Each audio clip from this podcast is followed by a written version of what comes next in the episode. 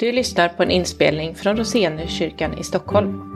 Vi vill ha Jesus i centrum, stå på Bibelns grund och vara ett andligt hem med hjärta för Stockholm. Vill du veta mer om Roseniuskyrkan? Kolla in vår hemsida eller hitta oss på Facebook. Du är också hjärtligt välkommen till en av våra gudstjänster, söndagar klockan 11. Jag ska predika över dagens gammaltestamentliga text som kommer från Första Mosebokens 28 kapitel. Och om du undrade vad allt det där med stenar och stegar i sången vi nu sjöng handlar om så kommer du få höra den berättelse som salmen är baserad på här. Så Första Mosebok kapitel 28, vers 10 till 22. Jakob lämnade Beersheba och begav sig mot Haran. Han kom till en plats där han måste stanna över natten eftersom solen hade gått ner. Och han tog en av stenarna på platsen för att ha under huvudet och la sig att sova. Då hade han en dröm. Han såg en stege rest på jorden. Den nådde ända upp till himlen och Guds änglar steg upp och ner på den. Och se, Herren stod ovanför den och sa, jag är Herren, din far Abrahams Gud och Isaks Gud. Det land där du ligger ska jag ge åt dig och dina efterkommande. Din avkomma ska bli som stoftet på jorden och du ska utbreda dig åt väster och öster, norr och söder. Genom dig och din avkomma ska jordens alla släkten bli välsignade. Och se, jag är med dig och ska bevara dig vart du än går och jag ska föra dig tillbaka till detta land. Jag ska inte överge dig förrän jag har gjort vad jag lovat dig. När Jakob vaknade upp ur drömmen sa han, Herren är verkligen på denna plats och jag visste det inte. Han greps av fruktan och sa, hur helig är inte denna plats? Det måste vara Guds boning. Här är himlens port. Tidigt på morgonen steg Jakob upp och han tog stenen som han hade vilat sig mot och reste den till en stod och hällde olja över den. Och han kallade platsen Betel. Tidigare hette denna staden Luz. Jakob gav ett löfte och sa, om Gud är med mig och bevarar mig på denna resa som jag gör och ger mig bröd att äta och kläder att ta på mig och jag kommer tillbaka till min fars hus i frid, då ska Herren vara min Gud. Och stenen som jag har rest till en stod ska bli ett Guds hus och av allt som du ger mig ska jag ge dig tionde. Så lyder Herrens ord. Gud, vi tackar dig. Ja, Gud, vi tackar dig för ditt ord. Gör oss Eh, uppmärksamma, lyhörda och mottagliga för vad du vill säga till oss. Hjälp oss läsa och förstå och tro det du eh, vill ha sagt till oss idag genom ditt ord. Vi ber i Jesu namn. Amen.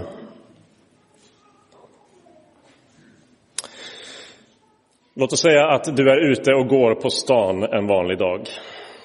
En trevlig promenad längs gatan och så får du syn på en musikaffär som du inte har tänkt på förut.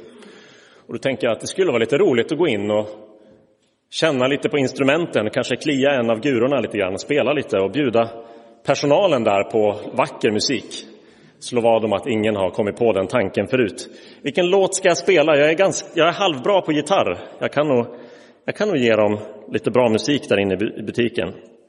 Vad ska jag spela som de inte alltid har hört förut? Och I ett sådant läge så finns det topp 10-listor på nätet som kan guida dig. Vilka låtar du absolut ska undvika för att inte driva personal i musikaffärer till vansinne. Därför att det visar sig att alla har tänkt som du och varit inne i affären, plockat ner en gitarr. Oavsett hur bra eller dåliga de är så har de gett sig på att spela introt till Smells Like Teen Spirit eller Sweet Home Alabama eller Stairway to Heaven. För det finns vissa låtar som liksom slår an hos så många.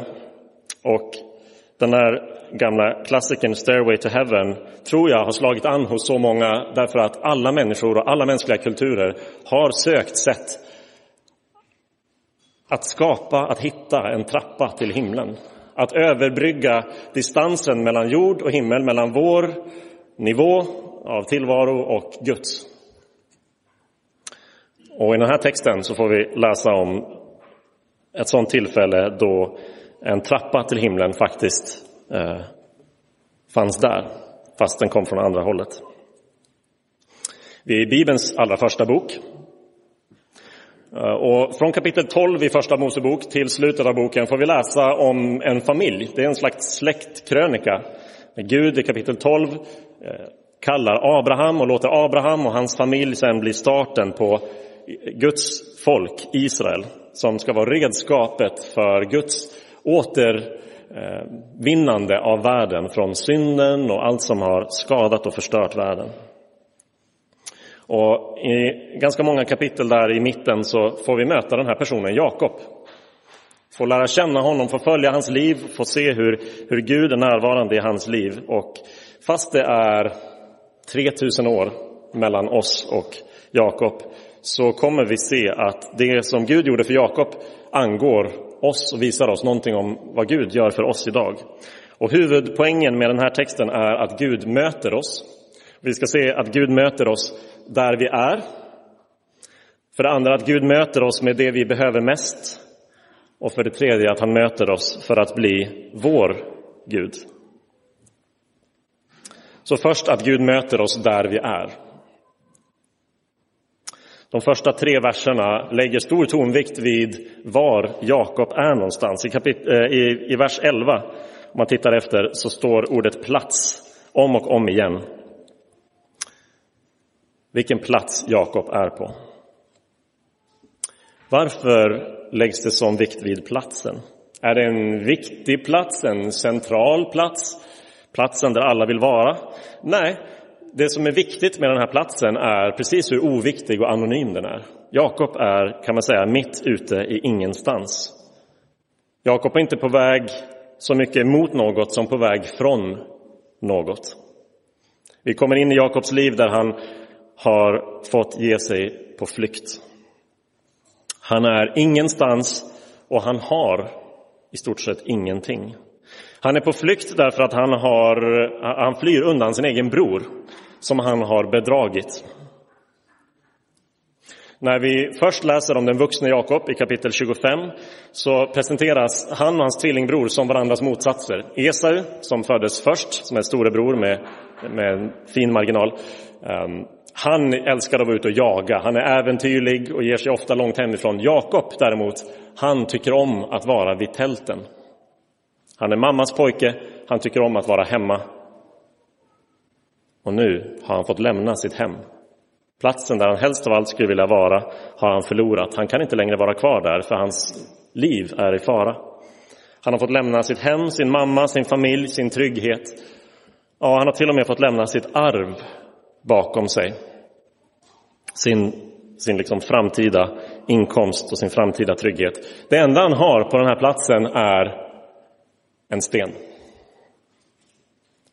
Men som Bibeln ofta visar oss så är det så att, att ha ingenting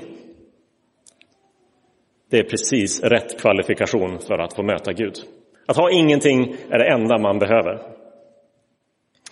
Så mitt i ingenstans, med ingenting utom en sten, så får Jakob möta Gud. Och han lägger sig ner och somnar och drömmer och i drömmen ser han en stege eller en trappa beroende på hur vi vill översätta det. Och den här, det här fenomenet med en stege eller en trappa från jorden till himlen var välkänt fenomen eh, redan på den här tiden i hela, hela liksom den främre orienten, den här delen av världen. Arkeologer har grävt fram ungefär ett 30-tal så kallade siguratbyggnader, en slags helgedom som eh, har liksom som främsta signum just trappan som symboliserade att här skulle den Gud man trodde på skulle kunna vara på toppen, som symboliserade himlen, och så fanns det trappor där guden eller där människorna kunde gå upp och ner så att jord och himmel skulle mötas. Det skulle vara en stairway to heaven för att människor längtade efter kontakt med det eviga, med skaparen, med Gud. Och så får, Jesus, eh, förlåt, får Jakob se en stege eller en trappa, men han har inte byggt något. Han har ju bara en, en enda sten. Ändå finns stegen eller trappan där. I Netflix eh, humordokumentärserie Kank on Earth så ställer eh, Philomena Kank den här frågan till en expert på det forna Egypten. Hur var det nu med de här mäktiga pyramiderna? Byggdes de uppifrån och ner eller byggdes de nerifrån och upp? Och experten får svara torrt på en sån eh, fråga. Ja, de var tvungna att bygga nerifrån och upp eh, på grund av gravitationen. Och det är fint. De åstadkom väldigt imponerande pyramider, men vill man bygga en trappa till himlen och måste bygga nerifrån och upp är problemet att man aldrig når fram. I kapitel 11 i Första Mosebok läser vi om ett försök att bygga ett torn som ska nå upp till himlen, som ska överbrygga distansen, Babels torn. Och det står ironiskt att Gud måste kliva ner för att ens se det här tornet. Det går inte att komma där nerifrån hela vägen upp. Men när en ensam man på flykt bara har en enda sten och den står inte ens upp än, den ligger fortfarande ner och han ligger på den. Ja, då är det ett utmärkt tillfälle för himlen och jorden att mötas. Gud kliver ner till Jakob. Och det lär oss att Gud möter oss där vi är, särskilt just om vi är ingenstans, har ingenting. Och jag kan tänka mig att vi alla i olika perioder i livet kan känna igen oss i Jakobs situation. Hur det kan vara att vara vilse, eller på, rent av kanske på flykt. Eller på väg mot en okänd ny plats eller en okänd ny period i ditt liv.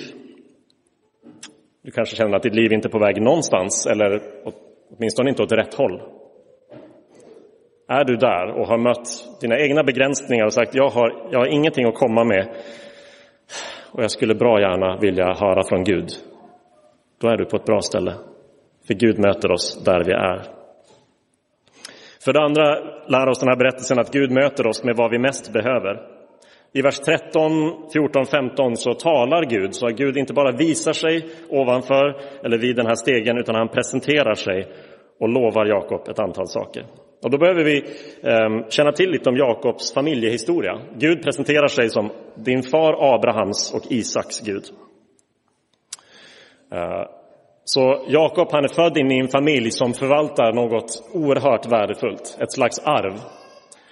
Nämligen ett löfte som Gud gav Jakobs farfar Abraham att genom den här familjen skulle alla familjer, alla släkter på hela jorden bli välsignade. Allt det som är fel i världen, det som Bibeln kallar för förbannelse på grund av synden, allt det ska liksom Gud vända till välsignelse genom den här lilla familjen. Det är det värdefulla arvet som Jakobs familj förvaltat. Och Gud hade visat sig för Jakobs farfar Abraham och visat sig för Jakobs far Isak och hade lovat dem att de skulle bli ett folk, ett land, att de skulle få Guds välsignelse och att de skulle få vara ett redskap för Guds välsignelse. Nu är det ju bara ett problem. Vem går arvet till? Den som är äldst. Och Jakob är lillebror. Han fördes in i ett underläge, en situation av ett underläge där hans storebror, trots att han kom ut före bara med någon minuts marginal eller så, skulle vara den som skulle få arvet. Åtminstone är det så det brukar funka. Men som alla småsyskon så har Jakob lärt sig att fightas. Ni vet, småsyskon gör ju det. Verbalt, om inte fysiskt, lär de sig att slåss för det de vill ha. De lär sig att leva med underläge och att försöka vända det till sitt överläge. Och Jakobs sätt är att förhandla och köpslå. Så tidigt så har han köpslått med sin bror och bytt till sig rätten till det här arvet mot eh, typ en linsgryta eller någonting sånt. En ganska bra deal för Jakob. Men han har fortsatt och på det sättet lurat sin bror och lurat sin egen pappa för att få den välsignelse som Gud lovat familjen. Och så har Jakob vänt sitt underläge till ett överläge, men till ett väldigt högt pris, för nu vill hans bror döda honom. Och enda sättet han kan överleva är att lämna precis det som han har kämpat hela sitt liv för att få, landet som Gud hade lovat. Hela sitt liv har han gjort allt han har kunnat för att vända underläget. Jag vill ha arvet som Gud har lovat. Jag vill vara den som har välsignelsen och som får ärva landet. Och just för att han har kämpat så hårt, varit så listig, så slug och sökt det Gud ville ge, fast på sitt eget sätt och i sin egen timing, så har nu allting gått förlorat och han måste lämna landet och fly därifrån.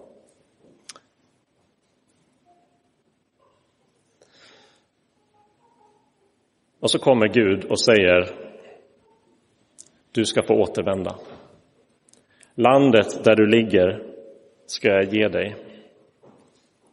Och ser du stegen här med änglar som stiger upp och ner, ser du hur till och med nu när du är på gränsen för att lämna landet som du har kämpat hela ditt liv för, så kommer de hålla koll på dig, bevaka dig, gå med dig in i främmande territorium. Jakob, märker du att du ligger i stoftet? Ser du dammet runt omkring dig? Så många ska dina efterkommande bli. De ska spridas ut, de ska bli lika många som dammkornen som du nu har till säng. Och de ska sprida sig åt norr och söder och väster och öster. Allt det här ska bli ditt genom din avkomma. Det lilla ordet avkomma i första Moseboken spelar så stor roll, dels i Abrahams familjehistoria, men faktiskt har vi hört om det redan långt före Abraham i första Mosebok 3, när Gud lovade de första människorna direkt efter syndafallet att kvinnans avkomma ska trampa sönder ormens huvud, ska besegra ondskan i världen. Och Gud säger till Jakob, det ska ske genom dig nu. Inte för att du har varit slug, inte för att du har lyckats lura din familj, ännu mindre för att du har lyckats lura mig, din Gud, utan för att jag är en sån som ger till dem som inte förtjänat. Och så möter Gud Jakob med precis det han behöver, det han desperat har försökt säkra för sin egen del. Precis det som han nu har inte bara förlorat utan förverkat sin rätt till är precis det som Gud har lovat honom, fast inte på Jakobs sätt, inte i Jakobs timing, utan på Guds sätt och med Guds timing. Och Jakob, han är precis som alla oss människor. Vi kan titta på honom och så kan vi fundera, är han en god person? För han vill ha arvet och löftet som Gud har gett. Eller är han bara eller är han bara en bedragare rakt igenom? För han lurar sin bror och sin pappa. Och Bibeln svarar att vi är precis så komplicerade var och en av oss. Och det vi alla gör, precis som Jakob, är att vi söker och längtar efter en massa goda saker, men vi vill inte ha det på Guds sätt och i Guds timing, vi vill ha det på vårt sätt och i vår timing. Och så griper vi efter det på andras bekostnad, utanför Guds vilja och så förlorar vi, förverkar vi precis det som Gud skulle vilja ge oss. Det är det Bibeln kallar för synd. Inte bara att vi söker det som är rent ont, för vem är intresserad av det? Nej, det är när vi söker efter det goda fast på fel sätt. Som om Gud inte fanns och inte rådde över det och inte ville ge oss det. Som om Gud vore snål och så säger vi jag måste, jag måste ta det här på egen hand för annars blir det inget av. Och jag är beredd att gå över lik. Jag är beredd att ljuga för min familj om det behövs. För jag ska ha det. Just där i vår synd förlorar vi precis det som Gud ändå ville ge oss. Men Gud möter oss för att ge oss det tillbaka. Precis som han gjorde med Jakob. Så var och en av oss får fundera på vad är det jag har sökt? Vad är det jag har drivits av hela mitt liv som jag har varit beredd att offra allt för att få? Och just för att det har sånt grepp om mitt hjärta och mina begär så har jag gjort andra illa. Trotsat Guds vilja och bud. Kanske till och med brutit ner mig själv.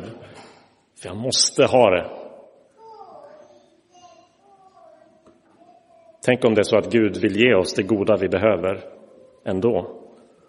Inte på vårt sätt, inte i vår timing, men på sitt sätt, i sin timing. Precis som han lovade Jakob landet som Jakob hade gjort allt för att förlora rätten till.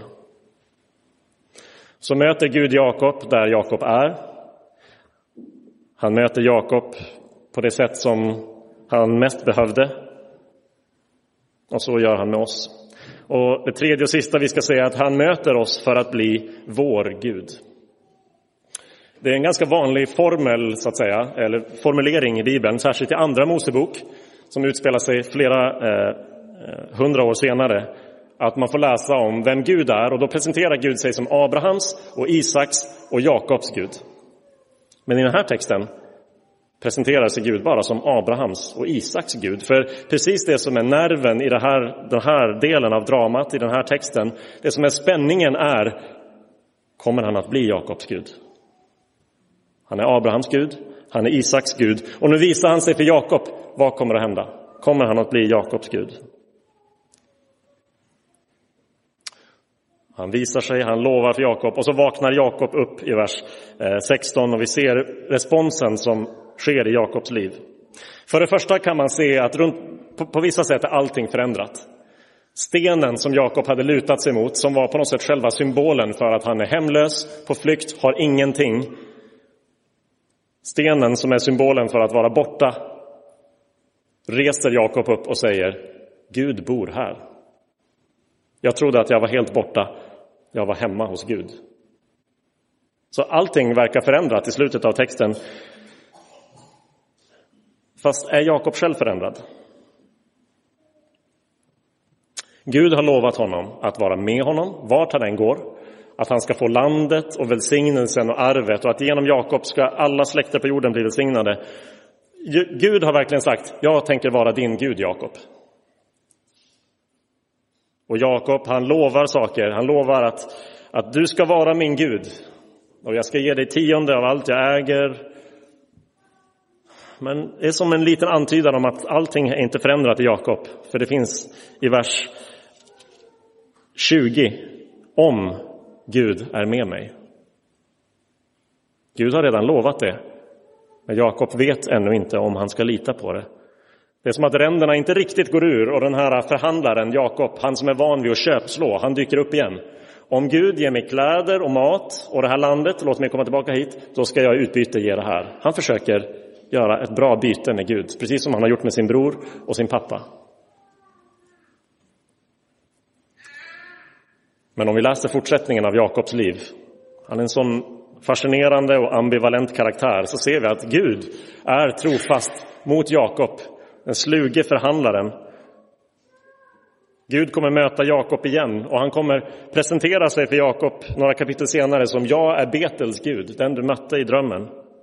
Och han kommer långt senare i Jakobs liv kalla Jakob tillbaka till platsen Betel för att Jakob ska bli påmind om Gud har hållit sitt löfte, jag är i landet igen, jag har fått Guds välsignelse.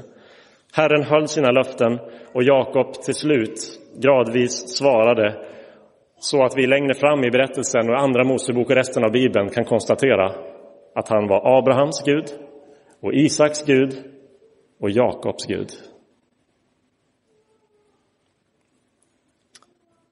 Gud höll sina löften och han blev Jakobs Gud. Och Gud möter oss för att på samma sätt bli vår Gud. Och visst finns det människor som får drömma om Gud, som kan möta Jesus i en dröm, eller på andra sätt får på olika vägar möta, möta Gud på, på annorlunda eller kanske oväntade vägar. Men det främsta sättet där Gud möter oss är genom Jesus. Genom Jesus möter Gud oss där vi är. Som Jesus själv sa till Natanael, ni ska få se Människosonen, eh, ni ska få se Guds änglar stiga upp och ner över Människosonen. Jesus säger att han har kommit som en stege eller en trappa. Han har kommit som mötesplatsen mellan jorden och himmel. Och vart kom han? Han kom ner till oss. Mötte oss där vi är, på jorden, i vår mänsklighet, i vår kroppslighet, i vår svaghet. Han mötte frestelser som vi, men till, i motsats till oss stod han emot dem. Han kom till oss i vårt missriktade och sluga sökande för att få det som bara Gud kan ge. Så kom han för att ge oss det i alla fall, fast vi har förverkat rätten till det. Och fast Jesus redan var på jorden när han sa det här så sa han, ni ska få se. Och när Jesus i Johannes evangeliet pratar om något som ska hända, ja då brukar det i regel peka mot korset. För att när Jesus är på korset, då fullbordar han kontakten mellan jord och himmel. När Jesus dör för att ge oss förlåtelse för våra synder, då kan vi komma hem till Gud. Då kan jord och himmel mötas.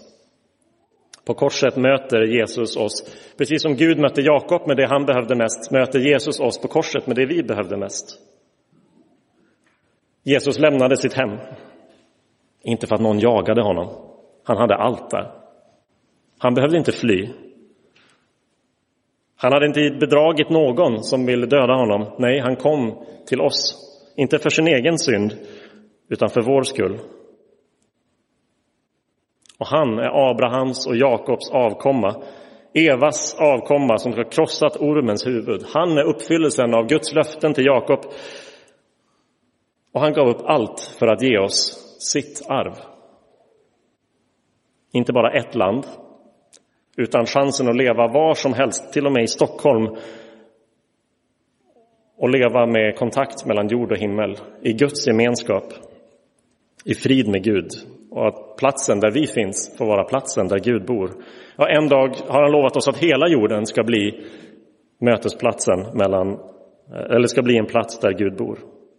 Han har lovat inte bara ett folk utan att vi människor från alla folk, vi är här från flera olika folk och åtminstone jag för min del tillhör inte det judiska folket, men jag har fått bli en del av Guds folk och bjudits in i relation till Jakobs Gud genom Jesus.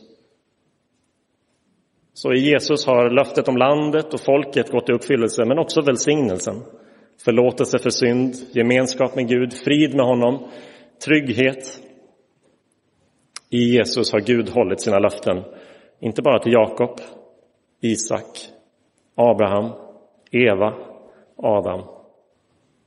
Han har hållit alla sina löften, alla, sina, alla Guds löften har fått sitt ja just i Jesus. I Jesus har Gud mött oss där vi är med vad vi mest behöver för att bli vår Gud. Så därför studsar frågan från den här texten tillbaka till oss som den gjorde för Jakob. Får jag vara din Gud? Och en del av oss har, liknande som Jakob, vuxit upp i ett hem och en familj där generationerna innan oss har mött Gud, har tagit till sig hans ord och trott på honom men vi kan behöva att faktiskt komma till en punkt där vi ställer oss frågan, är han min Gud? Jesus har gett allt för dig. Så vart du än är på väg, gå dit med Jesus. Vad det än är du har sökt efter och längtat efter hela ditt liv, sök Jesus och Guds rike först, så kommer du att få det goda du har längtat efter. Kanske inte på en gång, kanske inte på ditt sätt, men på Guds sätt och i Guds timing. Så bli hans, för han vill bli vår. Vi behöver inte säga som Jakob, om Gud gör det där och det där så kanske. Utan vi kan titta tillbaka på vad Gud redan har gjort. Och om Jesus redan har gjort allt det här för mig, då ska Jesus vara min Herre och min Gud. Vi ber.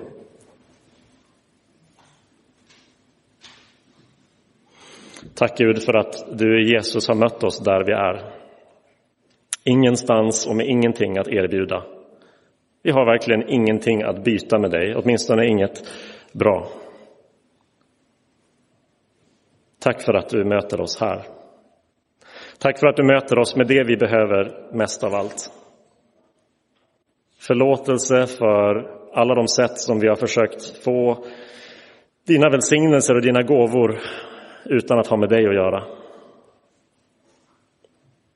Tack för att du möter oss med förlåtelse för vår synd, med ett erbjudande om frid och gemenskap och närhet till dig. Och tack för att du Jesus har mött oss för att bli vår Gud. Idag vill vi svara ja på den inbjudan, Gud, och säga du är min Gud, Jesus. För allt du har gjort för mig. Jag behöver inte tveka, jag behöver inte säga om, jag behöver inte förhandla, jag får bara ta emot. Tack för det, Jesus. Amen.